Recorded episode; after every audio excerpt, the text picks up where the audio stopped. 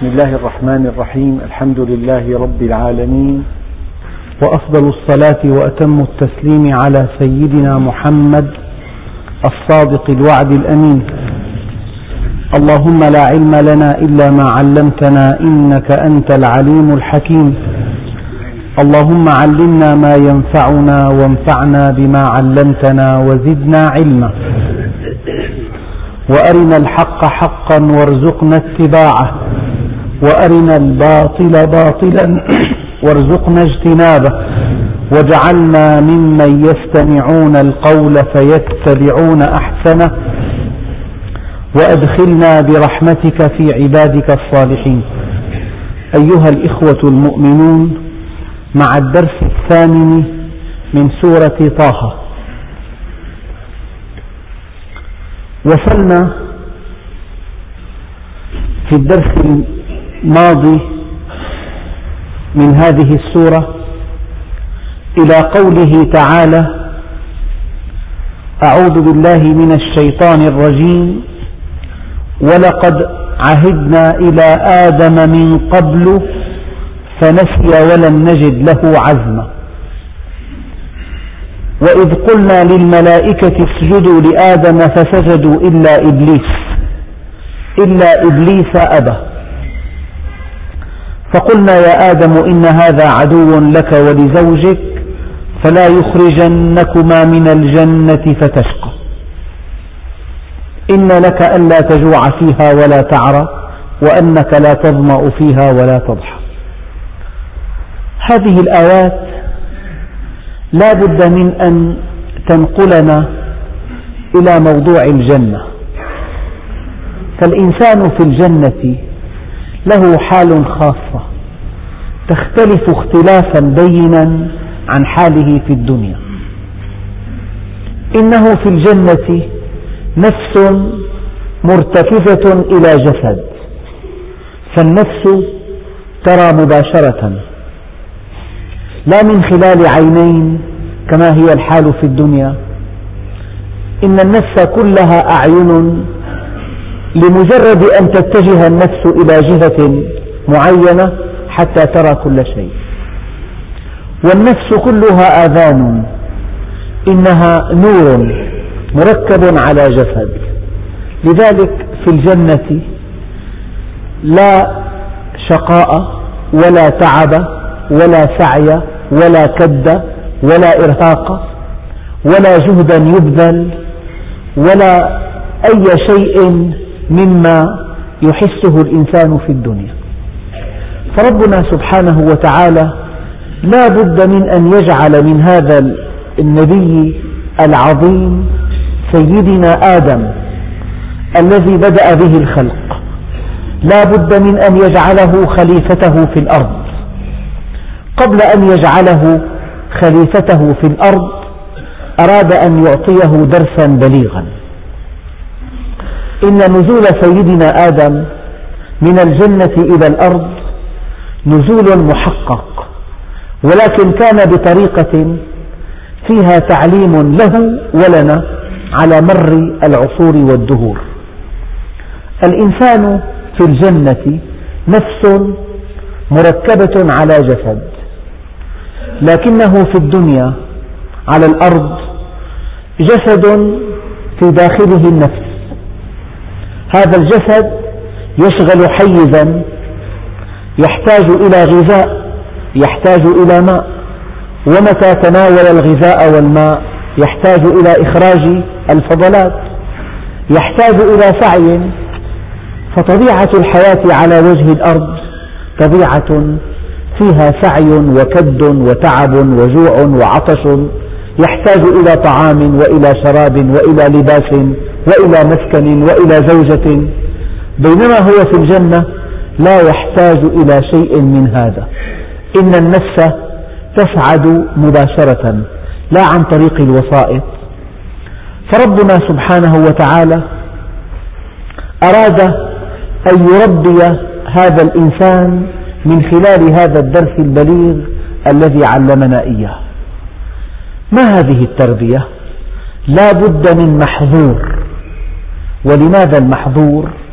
من أجل تربية الإرادة إن أثمن ما يملكه الإنسان الإرادة الحرة التي منحه الله إياها هذه الإرادة الحرة لا قيمة لها إلا إذا كانت منضبطة وفق القواعد والأصول فمن أجل أن تربى هذه الإرادة لا بد من أن يكون في الحياة شيء محظور هذا الذي ينساق وراء شهواته. ضعيف الإرادة. ليس أهلا أن يكون خليفة الله في الأرض. هذا الذي يستجيب لكل رغبة. ينساق مع كل شهوة. يفعل كل ما يخطر في باله. هذا إنسان ساقط. متهافت. ضعيف الإرادة. كتلة من الشهوات. تتحرك لكن الإنسان الذي أعده الله ليكون خليفة في الأرض لا بد من أن تنمو عنده الإرادة. لذلك ربنا سبحانه وتعالى فيما ترويه التفاسير عهد إلى سيدنا آدم ألا يأكل من هذه الشجرة. فكلا منها رغدا حيث شئتما. من أي شيء كلا؟ إلا هذه الشجرة. إذا في هذه إشارة إلى أن المباحات أكثر بكثير من المحرمات وأن الإنسان حينما يدع جميع المباحات ليقترف المحرم فقد أساء وظلم. لأن الله سبحانه وتعالى أباح كل شيء. وقد قال علماء الأصول الأصل في الأشياء الإباحة. لا تقربا هذه الشجرة. يعني نهي واحد مع إباحة لكل شيء. نهي واحد مع إباحة لكل شيء. ولقد عهدنا إلى آدم من قبل فنسي ولم نجد له عزما. أوجه التفاسير أن هذا النبي الكريم الذي قال عنه سيد المرسلين آدم ومن دونه تحت لواء يوم القيامة ولا فخر. استنبط من هذا الحديث أن سيد ولد آدم هو النبي عليه الصلاة والسلام ويأتي بعده سيدنا آدم فهو أعظم النبيين إلا أن يكون النبي محمد صلى الله عليه وسلم. ولقد عهدنا يعني وصينا آدم من قبل أي من قبل أن يأتي إلى الأرض من قبل أن يهبط إلى الأرض حينما كان في الجنة. أبحنا له كل شيء عدا هذه الشجرة ولقد عهدنا إلى آدم من قبل. لكن هذا النبي الكريم ما كان يعرف الكذب؟ وسوس إليه الشيطان أن يا آدم هل أدلك على شجرة الخلد وملك لا يبلى؟ يعني يبدو أن هذا النبي الكريم كان في حالة من القرب شديد. في حالة من القرب شديدة. وأنه أراد أن يبقى في هذه الحالة وأن يخلد فيها. ولم يكن يعرف ما هو الكذب ونسي ما عصى عن تصور وتصميم لكن معصيته جاءت عن نسيان وسهو. لذلك قال العلماء إن هذه الآية لا تقدح في عصمة سيدنا آدم. لله عز وجل أن يقول ما شاء عن سيدنا آدم. أما نحن البشر ليس لنا أن نقول عنه إنه عصى ربه بالمعنى الذي يفهمه عامة الناس لأن الله سبحانه وتعالى برأه من أن تكون معصيته عن تصور وتصميم. ولقد عهدنا إلى آدم من قبل فنسي وقد قال عليه الصلاة والسلام رفع عن أمتي الخطأ والنسيان وما استكرهوا عليه. إذا نسيان هذا النبي هذا الحظر الإلهي لا يعني أنه عصى ربه بالمعنى الذي نفهمه نحن يعني عصاه عن تصور وتصميم ولكن هذه المعصية جاءت عن نسيان وسهو ولم نجد له عزما أيضا من أوجه التفاسير أن هذا النبي الكريم ما كان يملك العزيمة على معصية الله. ما كان عازما على معصيته والدليل أن الله سبحانه وتعالى سرعان ما غفر له واجتباه وقربه. ولو أنه عصى عن معصية عن تصور وتصميم ولو أنه كان يملك العزيمة الأكيدة على معصية الله عز وجل لما كانت عودته واجتباؤه وتكريمه بهذه السرعة الفائقة. ولقد عهدنا إلى آدم من قبل فنسي ولم نجد له عزما إذا هذه الآية تعلمنا أنه لا بد من أن يكون في الحياة شيء محظور. لأن هذا الشيء المحظور يربي الإرادة في الإنسان.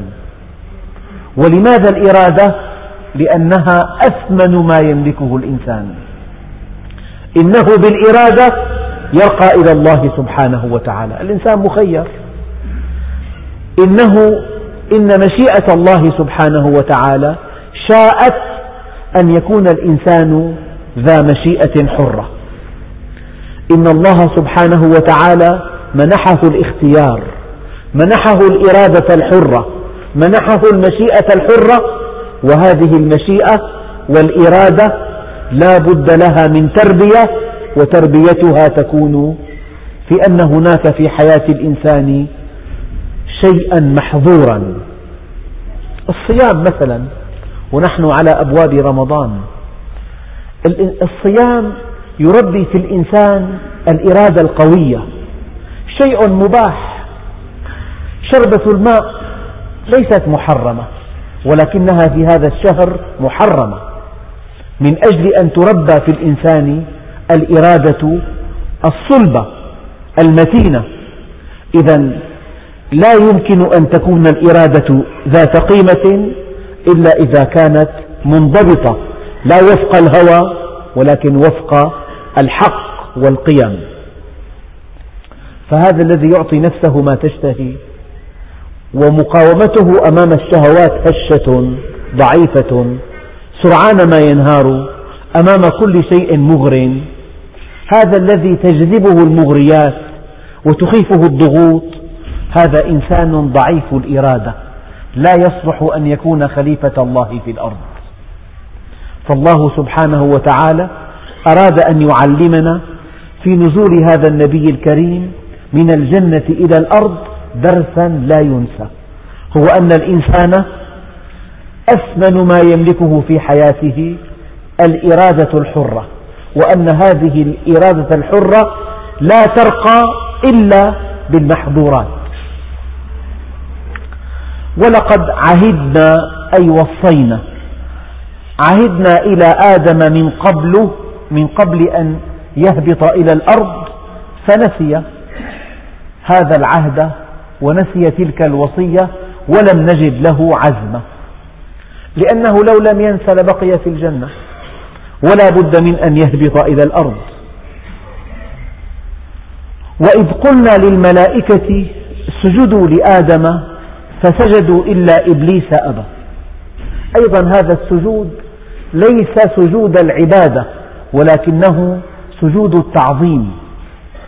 هناك سجود التكريم وهناك سجود التعظيم وهناك سجود العبادة. أما سجود العبادة فهو لله وحده. ولا ينبغي لبشر أن يسجد لبشر إلا أن يكون السجود كناية عن التكريم والتعظيم كما ورد في بعض آيات القرآن الكريم. إذا نسي نسي وصيتنا أو نسي أمرنا ولم تكن عنده عزيمة على المعصية. هذا تعليل لطيف وتخريج يتناسب مع مقام هذا النبي الكريم ومع عصمة النبي.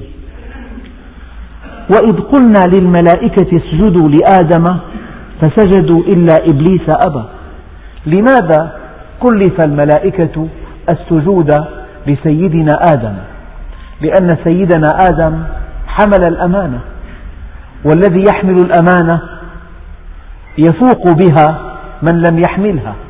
إنا عرضنا الأمانة على السماوات والأرض والجبال فأبين أن يحملنها وأشفقن منها وحملها الإنسان. ركب الملك من عقل بلا شهوة وركب الحيوان من شهوة بلا عقل وركب الإنسان من كليهما. فإن سمى عقله على شهوته أصبح فوق الملائكة وإن سمت شهوته على عقله أصبح دون الحيوان.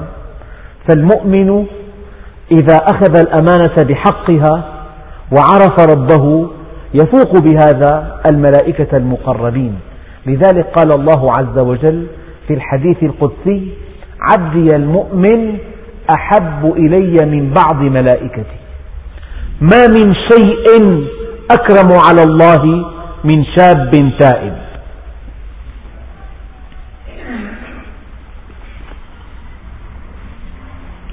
فقلنا يا آدم درس بليغ له ولذريته وهو على وشك أن يكون خليفة الله في الأرض. إني جاعل في الأرض خليفة. علمه أن الشيطان عدو له ولذريته. فقلنا يا آدم إن هذا عدو لك ولزوجك. فلا يخرجنكما من الجنة فتشقى. يعني إذا أخرجك من الجنة تشقى بمعنى أنك عندئذ تحتاج إلى سعي لكسب الرزق. تحتاج إلى عمل تحتاج إلى عمل وإلى كد وإلى دأب وإلى جهد تبذله من أجل أن تأكل. إنك في الجنة تتنعم وتأكل بلا وسائط مادية. يعني هذه التفاحة يمكن أن تتصل بها نفس الإنسان فتأخذ كل ما فيها من طعم طيب. هذا في الجنة الإنسان في الجنة يمكن أن يأكل أعدادا لا حصر لها من الفواكه والثمار من دون أن يضطر إلى أن يدخلها إلى جسده. يأخذ طعمها الطيب ويبتعد عن آه، مادتها التي هي عبء على جسده لكنه في الأرض لا يستطيع أن يذوق طعم هذه التفاحة إلا إذا وضعها في فمه. فإذا وضعها في فمه أصبحت عبئا على جهازه الهضمي. كانت هناك التخمة وكانت هناك أمراض جهاز الهضم وكانت هناك يعني الحياة في الأرض تحتاج إلى جهد كبير. من أجل أن تأكل طبقا من الطعام تحتاج إلى ساعات لإعداده. من أجل أن تصل إلى هذا الشيء تحتاج إلى سنوات. هكذا فسر بعض المفسرين معنى تشقى. والشيء الذي يلفت النظر في هذه الآية أن الله سبحانه وتعالى لم يقل فلا يخرجنكما من الجنة فتشقيا بل قال فتشقى. لأن السعي والكد في نظر الدين على الرجل ولأن الأمومة والتربية على المرأة. الرجل يعمل ليكسب الرزق والمرأة تربي الأولاد وتنشئهم تنشئة عالية. من هنا المرأة التي شكت إلى النبي عليه الصلاة والسلام زوجها والتي قال الله في حقها لقد سمع الله قول التي تشتكي إلى الله نعم. هذه المرأة حينما خاطبت النبي عليه الصلاة والسلام قالت له يا رسول الله إن فلانا تزوجني وأنا شابة ذات أهل ومال وجمال. فلما كبرت سني ونثر بطني وتفرق أهلي وذهب مالي. قال أنت علي كظهر أمي. ولي منه أولاد. إن تركتهم إليه ضاعوا. هو لا يربيهم. وإن ضممتهم إلي جاعوا. أنا لا أطعمهم ولكني أربيهم. وهو لا يربيهم ولكنه يطعمهم. يعني هذه المرأة حددت بالضبط مهمة الرجل في الحياة. إن الرجل يعمل خارج البيت لكسب الرزق والمرأة تعمل أخطر عمل تقوم به امرأة على وجه الأرض وهي تربية الأولاد. فمن أجل أن يكون الأولاد في المجتمع صالحين لا بد لهم من أم رؤوم تحنو عليهم وتعطي وقتها من أجلهم. فلذلك ولا يخرجنكما من فلا يخرجنكما من الجنة فتشقى وحدك. إنها في البيت وأنت خارج البيت. إنك مكلف بكسب المال. فلذلك الرجل أحيانا قد يأتي إلى البيت متعبا. ليس التعب تعب ليس التعب تعبا ماديا فحسب بل هو تعب نفسي. إن صعوبات الحياة وإن المتاعب وإن العقبات كلها يواجهها الزوج بشكل صارخ. بينما الزوجة هي في بيتها ناعمة البال يأتيها رزقها رغدا. يعني فلذلك على الزوجة أن تقدر أحيانا ظروف كسب المال وظروف الحياة الصعبة. ولا تثقل على فلا تثقل على زوجها ولا تحمله ما لا يطيق. وقد كانت الصحابيات رضوان الله عليهن يقولن لأزواجهن يا فلان نصبر على الجوع ولا نصبر على الحرام فاتق الله فينا يعني المرأة التي تحمل زوجها فوق ما يطيق هذه امرأة لا يحبها الله ورسوله. لذلك قال عليه الصلاة والسلام أعظم النساء بركة أقلهن مؤنة. أقلهن مهرا. هذه المرأة اليسيرة التي ترضى باليسير.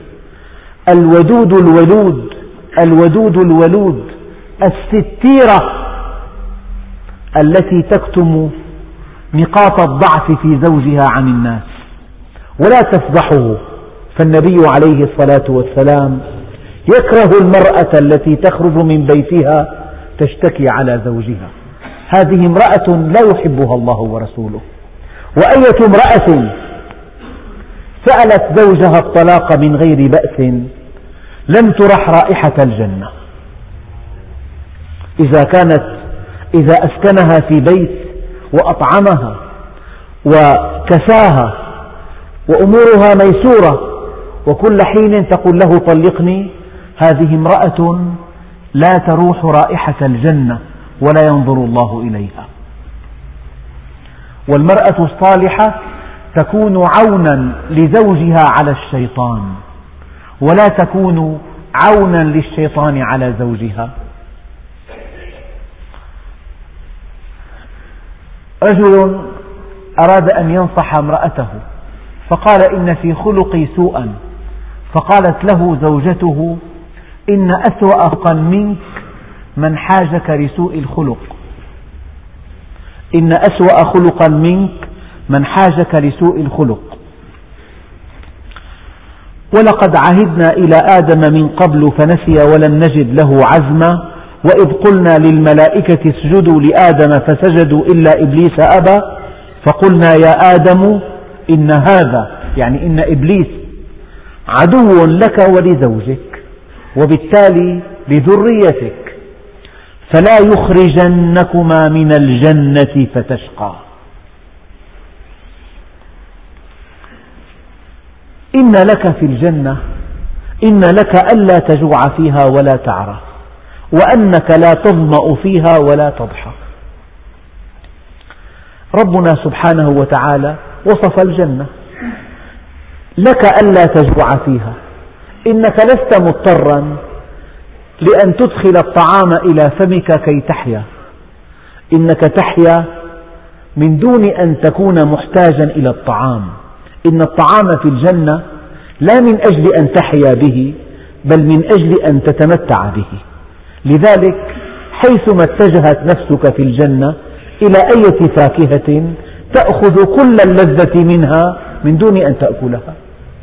لذلك ليس في إن لك ألا تجوع فيها ولا تعرى هذه النفس التي هي الأصل في الجنة مركبة على الجسد كلهيب الشمعة كيف أنه يحيط بالفتيل إنها عيون إنها آذان إنها مشاعر إنها أحاسيس.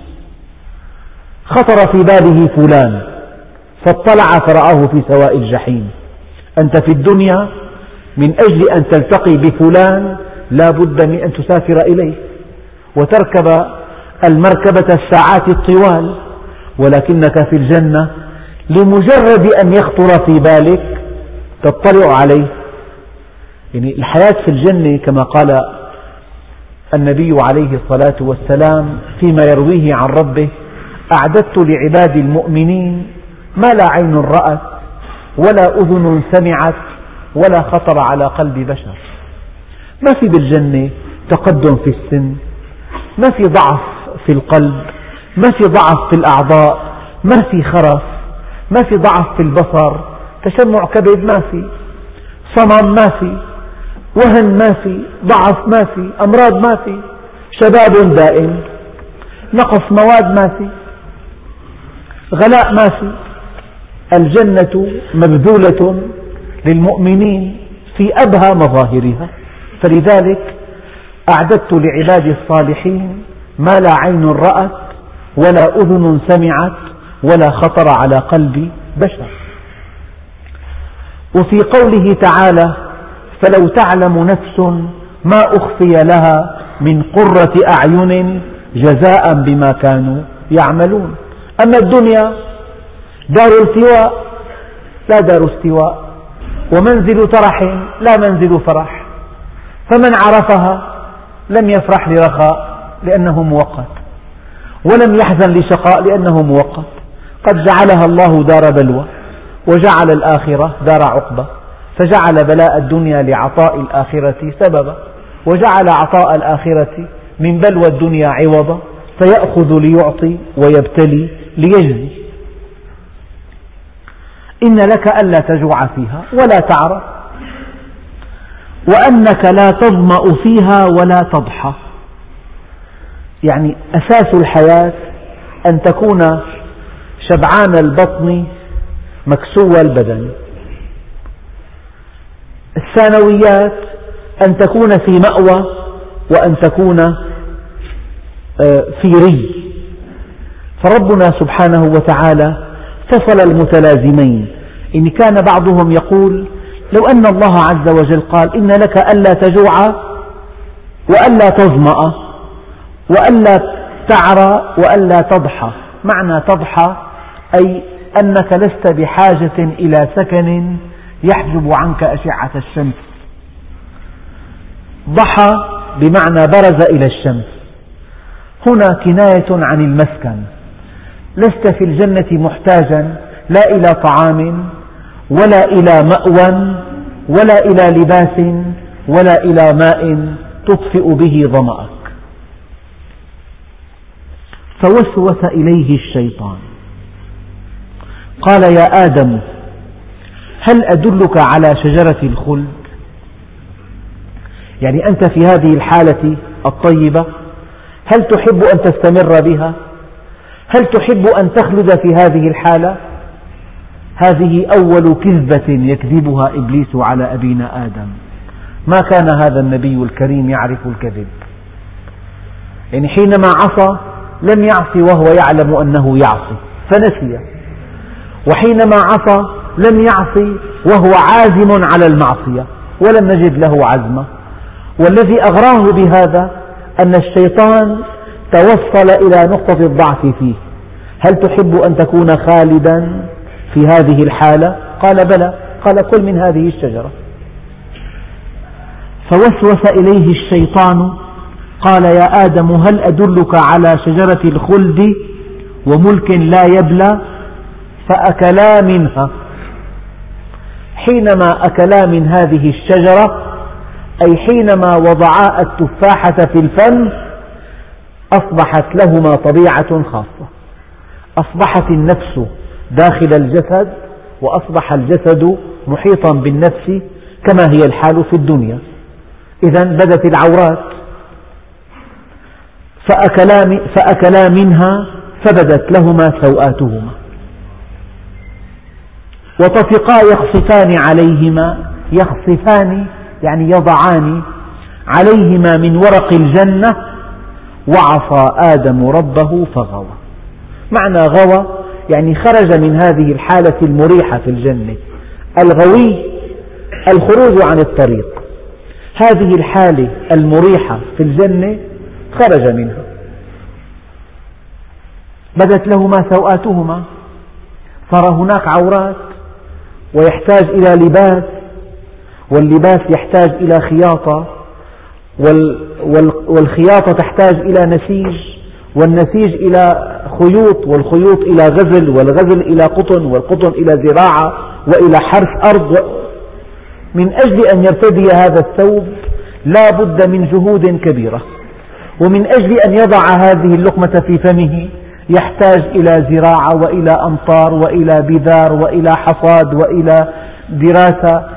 وإلى طحن وإلى عجن وإلى خبز وإلى نقود وإلى عمل. فأكلا منها فبدت لهما سوآتهما وطفقا يخصفان عليهما من ورق الجنة وعصى آدم ربه فغوى إن هذا هو الدرس الأول. انتقال هذا النبي الكريم من حالة أهل الجنة إلى حالة أهل الأرض. أهل الأرض جاءوا إلى الدنيا للابتلاء. الإنسان يبتلى بكسب رزقه يبتلى بزواجه يبتلى بالفقر يبتلى بالصحة يبتلى بالمرض يبتلى بالقوة يبتلى بالضعف يبتلى بالعلو في الأرض يبتلى بالذلة يبتلى. دخل إلى دار البلاء. أحسب الناس أن يتركوا أن يقولوا آمنا وهم لا يفتنون. دخل إلى دار الفتنة دخل إلى دار السعي دخل إلى دار التكليف. هذا حلال وهذا حرام. هو الآن في الأرض وعلى الأرض بحاجة إلى طعام والطعام يحتاج إلى كسب. كيف يكسب المال؟ هل يكسبه حراما ليأكل أم يكسبه حلالا ليأكل؟ دخل في الابتلاء. أصبحت فيه رغبة إلى النساء لبقاء النوع. هل يلبي هذه الرغبة وفق الشريعة التي جاء الله جاء بها الأنبياء أم وفق الشهوة العمياء؟ كيف يلبي هذه الرغبة؟ دخل آدم عليه السلام في حالة الابتلاء ودخل في حالة السعي والشقاء. وعصى آدم ربه فغوى. طبعا إذا قلت فلان عصى بمعنى خالف الأمر. بصرف النظر عن دوافع المعصية. هناك من يعصي ساهيا ومن يعصي مخطئا ومن يعصي متعمدا ومن يعصي متحديا ومن يعصي فاجرا.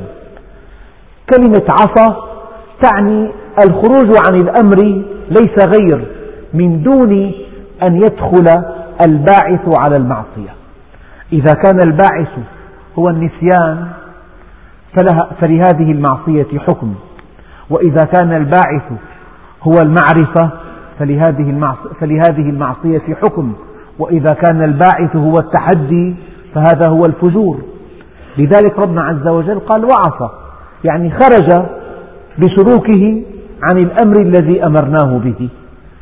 فهبط من الجنة إلى الأرض. ولأن هذا النبي الكريم عصى ناسيا ولم يعص عازما. ثم اجتباه ربه فتاب عليه وهدى سريعا جدا. لذلك الإنسان إذا وقع في مخالفة من دون قصد من دون تصميم من دون إرادة من دون أن يكون راغبا في هذه المخالفة توبته سهلة جدا. أما إذا فعلها عن تصور وتصميم إذا فعلها وهو يعلم أنه يعصي فهذه مشكلة كبيرة. قال اهبطا منها جميعا. يعني اهبطا وكأن حالة أهل الجنة أرقى بكثير من حالة أهل الأرض. حالة كلها نعيم وكلها راحة. أما الإنسان على وجه الأرض حياته شاقة.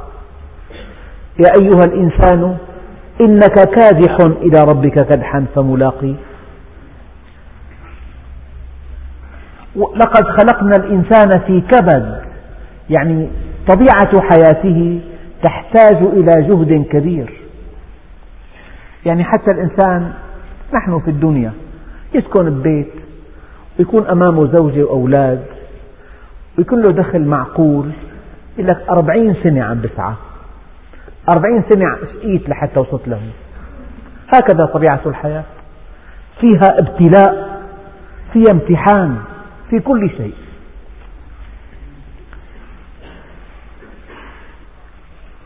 قال اهبطا منها جميعا بعضكم لبعض عدو.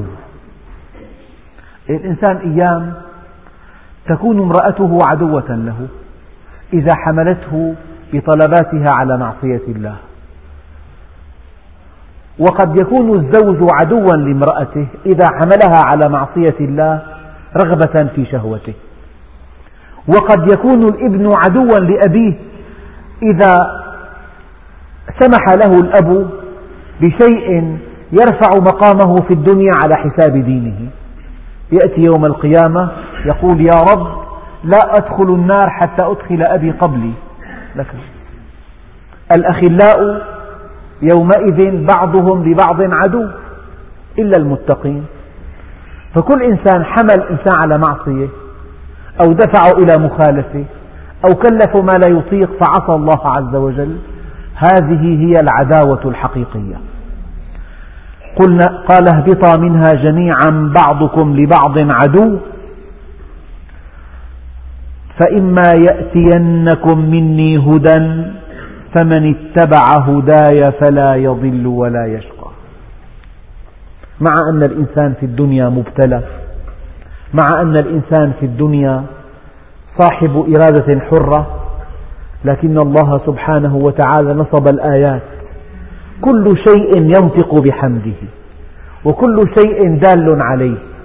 ومع ذلك إما يأتينكم مني هدى فمن اتبع هداي فلا يضل ولا يشقى. والله الذي لا إله إلا هو. لو لم يكن في القرآن الكريم إلا هذه الآية لكفت. يعني كلنا جميعا هذه الآية تبث في قلوبنا الطمأنينة. إذا اتبعت هدى الله في كل شيء لا تضل ولا تشقى. لا يضل عقلك ولا تشقى نفسك. تسعد وترقى وتنجح وتتفوق وتفلح وتحقق الهدف من خلقك على وجه الأرض. فإما يأتينكم مني هدى فمن اتبع هداي فلا يضل ولا يشقى. في طمأنينة عقلية هذا الذي لم يعرف الحق في خلل عنده اختلال توازن. في قلق هذا الذي يعتقده لا يطمئن إليه. دائما في حالة غليان أو حالة قلق أو حالة خوف. لكن الذي اعتقد ما جاء, ما جاء به النبي عليه الصلاة والسلام جاءت عقيدته مطابقة لهدي الله عز وجل يطمئن عقله إنه على حق. كم من البشر من سار في درب ثم اكتشف في نهاية المطاف أنه طريق غير صحيح. كم من إنسان ظن أن هذا الشيء هو كل شيء. في نهاية الحياة عرف أنه شيء يسير لا قيمة له ضيع من أجله حياته. لذلك خيبة الأمل في خريف العمر شيء لا يحتمل. تكون قد أمضيت أربعين عاما من حياتك في طريق غير صحيح. تسعى للمال والمال عرض زائل. تسعى لاقتناص اللذة واللذة منقطعة بالموت. لذلك فمن تبع هداي فلا يضل ولا يشقى. هنيئا لمن؟ وافق سلوكه الهدى الرباني. في زواجه في بيعه في شرائه في عقيدته في معاملاته في علاقاته في مشاعره في عواطفه.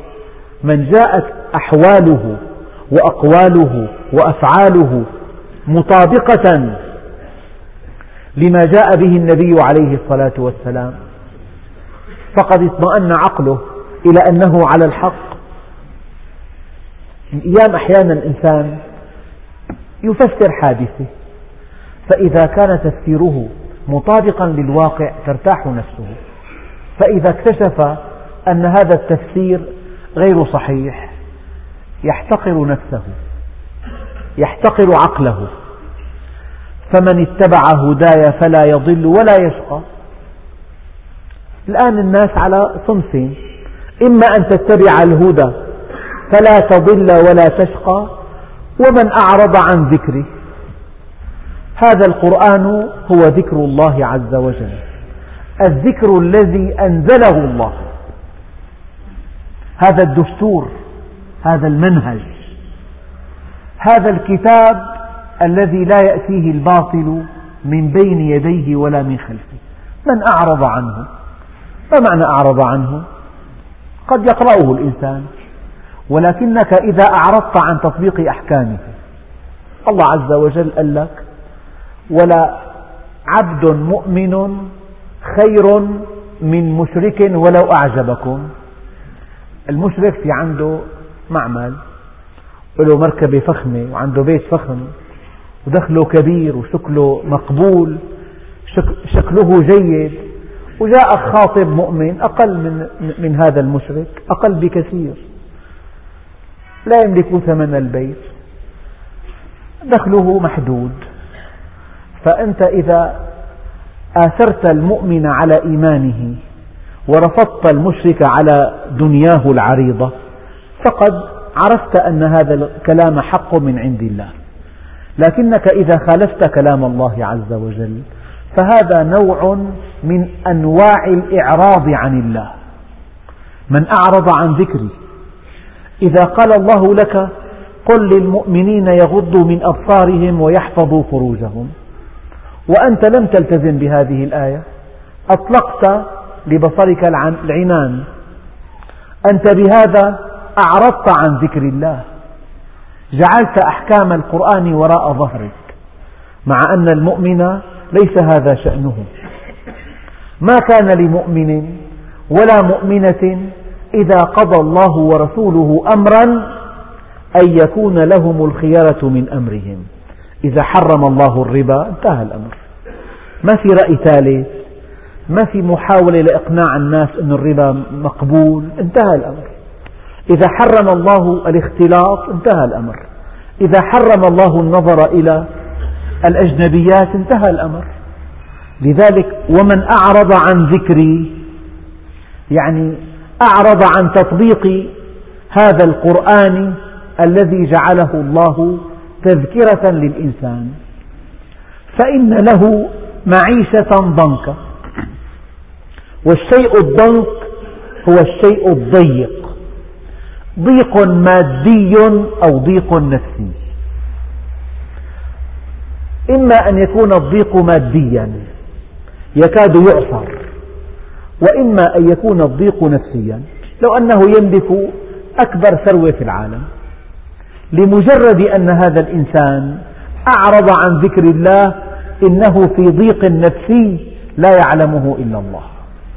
لذلك سأل بعض العلماء هذه الآية كيف نفسرها في حق الأغنياء الفسقة أو أولي الحول والطول؟ فقال بعضهم إن الآية تعني ضيق النفس. في قلبه ضيق لو وزع على أهل بلد لكفاهم. في قلبه ضيق لو وزع على أهل الأرض لماتوا هما وغما. ومن أعرض عن ذكري ويا أيها الإخوة المؤمنون. هذه الآية لو أن على وجه الأرض إنسانا واحدا أعرض عن ذكر الله وهو في سعادة فهذا شيء مستحيل. مستحيل أن تتركه وتسعد. مستحيل. هذه النفس لا تسعد إلا بالله. لا تطمئن إلا إلى ذكر الله. لا ترضى إلا بقضاء الله. لا ترتاح إلا لمشيئة الله. ومن أعرض عن ذكري فإن له معيشة ضنكا ونحشره يوم القيامة أعمى.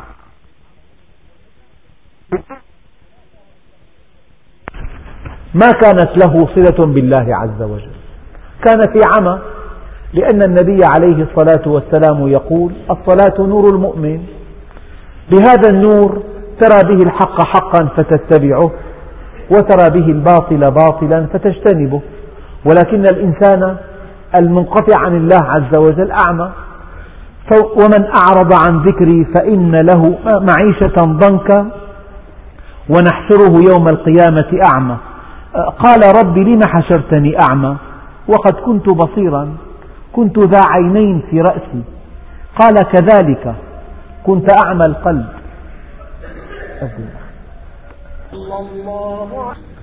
قال عليه الصلاة والسلام يشيخ المرء على ما شب عليه. يشيب المرء على ما شب عليه. ويموت على ما شاب عليه ويحشر على ما مات عليه. فلذلك ومن أعرض عن ذكري هذا الذي جعل هذا القرآن وراء ظهره واشتغل بالدنيا. هذا إذا حشر يوم القيامة يحشر أعمى لأنه لو كان يصلي لكان في قلبه النور. كان مقطوعا عن الله سبحانه وتعالى. وكانت الدنيا أكبر همه ومبلغ علمه. لذلك كان أعمى. قال رب لم حشرتني أعمى وقد كنت بصيرا؟ قال كذلك. أنت لم تكن في الدنيا بصيرا. لك بصر ولم تكن لك بصيرة. لك عينان ترى بها صور الأشياء ولم تكن لك بصيرة ترى بها حقائق الأشياء. غرتك الحياة الدنيا. رأيتها كل شيء مع أنها ليست كل شيء.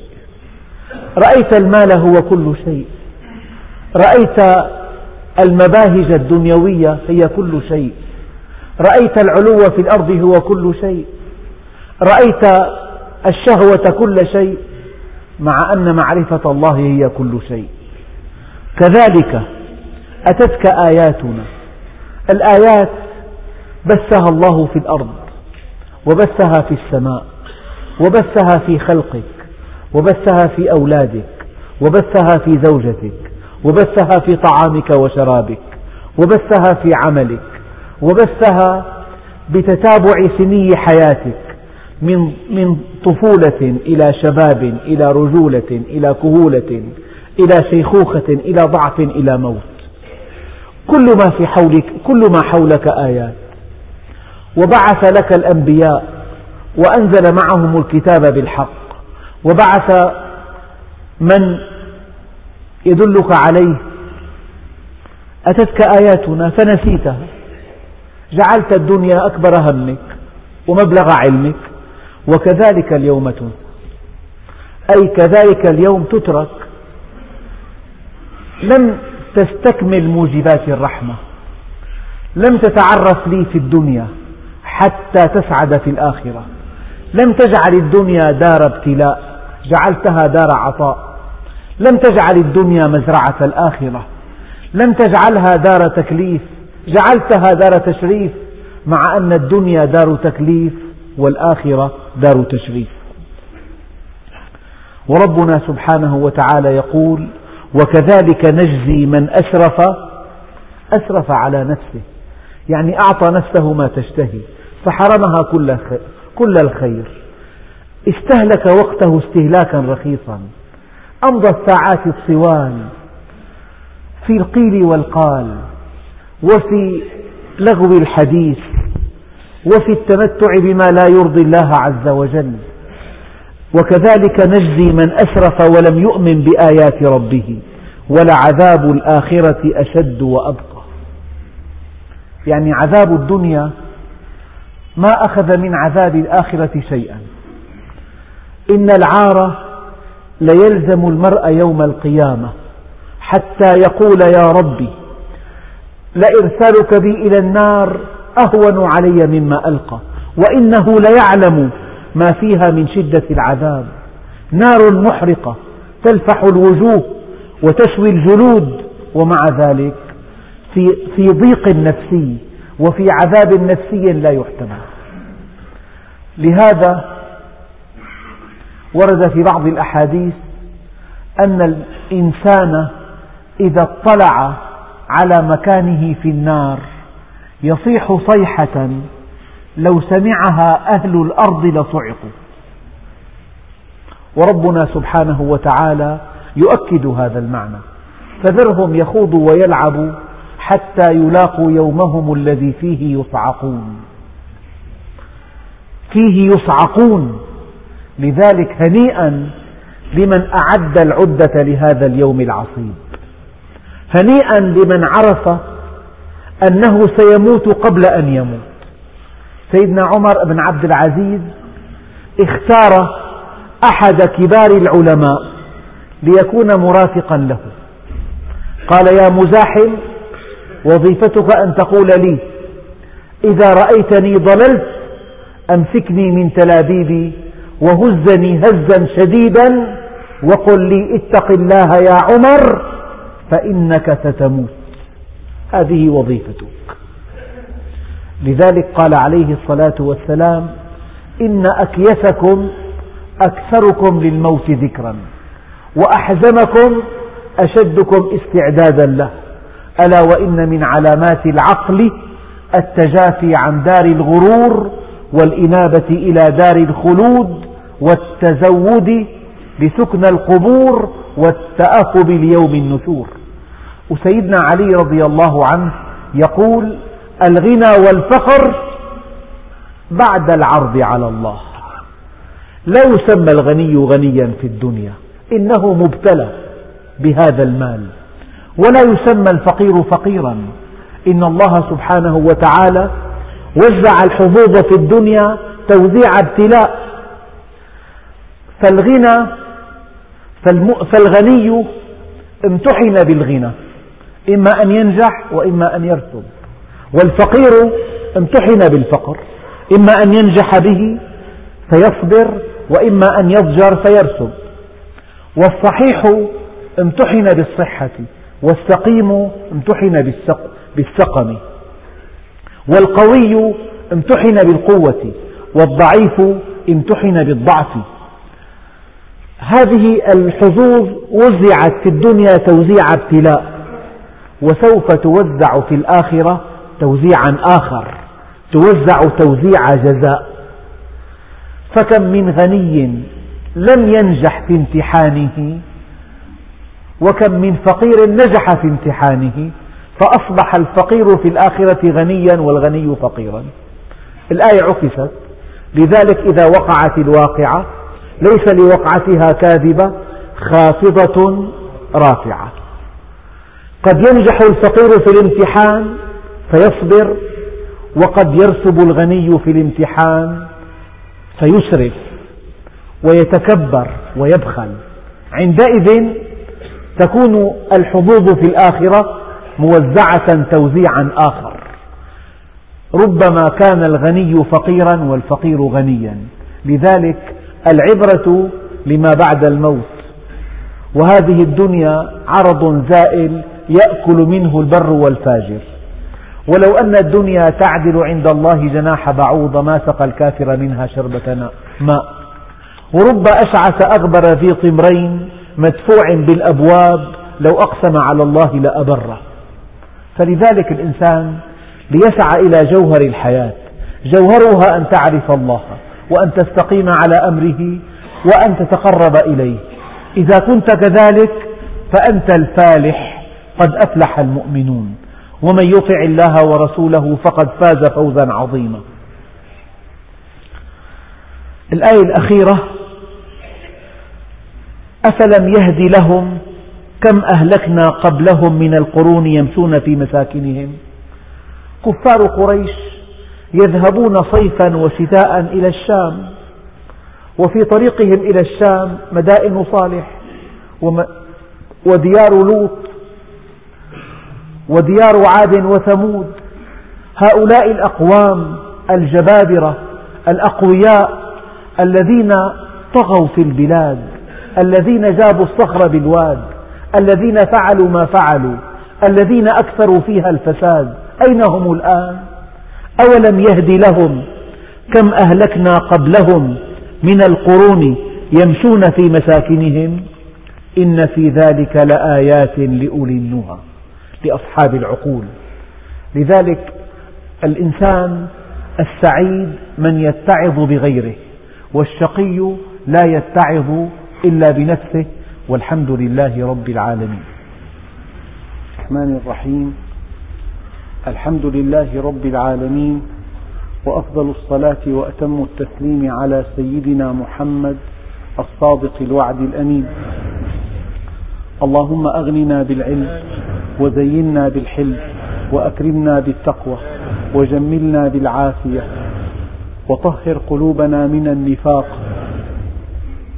وأعمالنا من الرياء وألسنتنا من الكذب وأعيننا من الخيانة فإنك تعلم خائنة الأعين وما تخفي الصدور اللهم اجعل جمعنا هذا جمعا مباركا مرحوما واجعل تفرقنا من بعده تفرقا معصوما ولا تجعل فينا ولا منا ولا معنا شقيا ولا محروما.